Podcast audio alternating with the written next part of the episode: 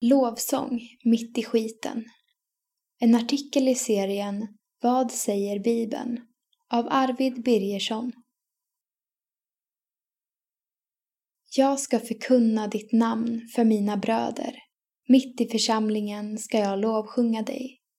Saltaren kapitel 22 och vers 23. Oho! En härlig uppmaning om att lovsjunga från en psalm fylld av glädje och lycka. Eller? Vänta lite. Detta är ju från psalm 22, som börjar med de välkända orden Min Gud, min Gud, varför har du övergivit mig?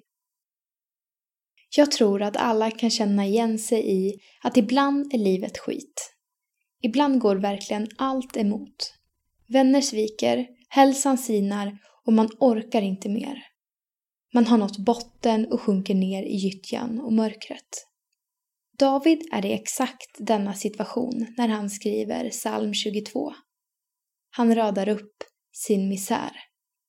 Han är övergiven, föraktad, kraftlös, utstirrad. Men sedan vänder det. Han börjar lovsjunga Gud mitt i lidandet.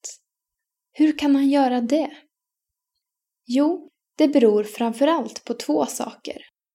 För det första så litar han på att Gud håller honom i sin hand. Som han skriver i en annan psalm. Du omsluter mig på alla sidor och håller mig i din hand. Saltaren kapitel 139 och vers 5. Det betyder att den som skapade universum, från minsta atom och bakterie till största galax och blåval, håller just dig i sin hand. För det andra så litar han på Guds löften om att han en dag kommer att göra slut på allt lidande. Löften som började infrias samma dag som Jesus citerade just denna psalm, då han dog och senare uppstod. Då satte han en gräns för lidandet. En gräns som kommer att bli verklighet den dag han kommer tillbaka. Då ska han torka alla tårar från deras ögon. Döden ska inte finnas mer och ingen sorg och ingen gråt och ingen plåga.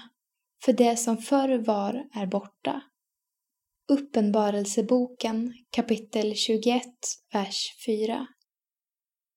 Livet är många gånger skit. Men trots det kan vi, för att Gud håller oss i sin hand och för att han en dag ska göra slut på allt lidande, stämma in i lovsången till Gud, mitt i lidandet. Halleluja.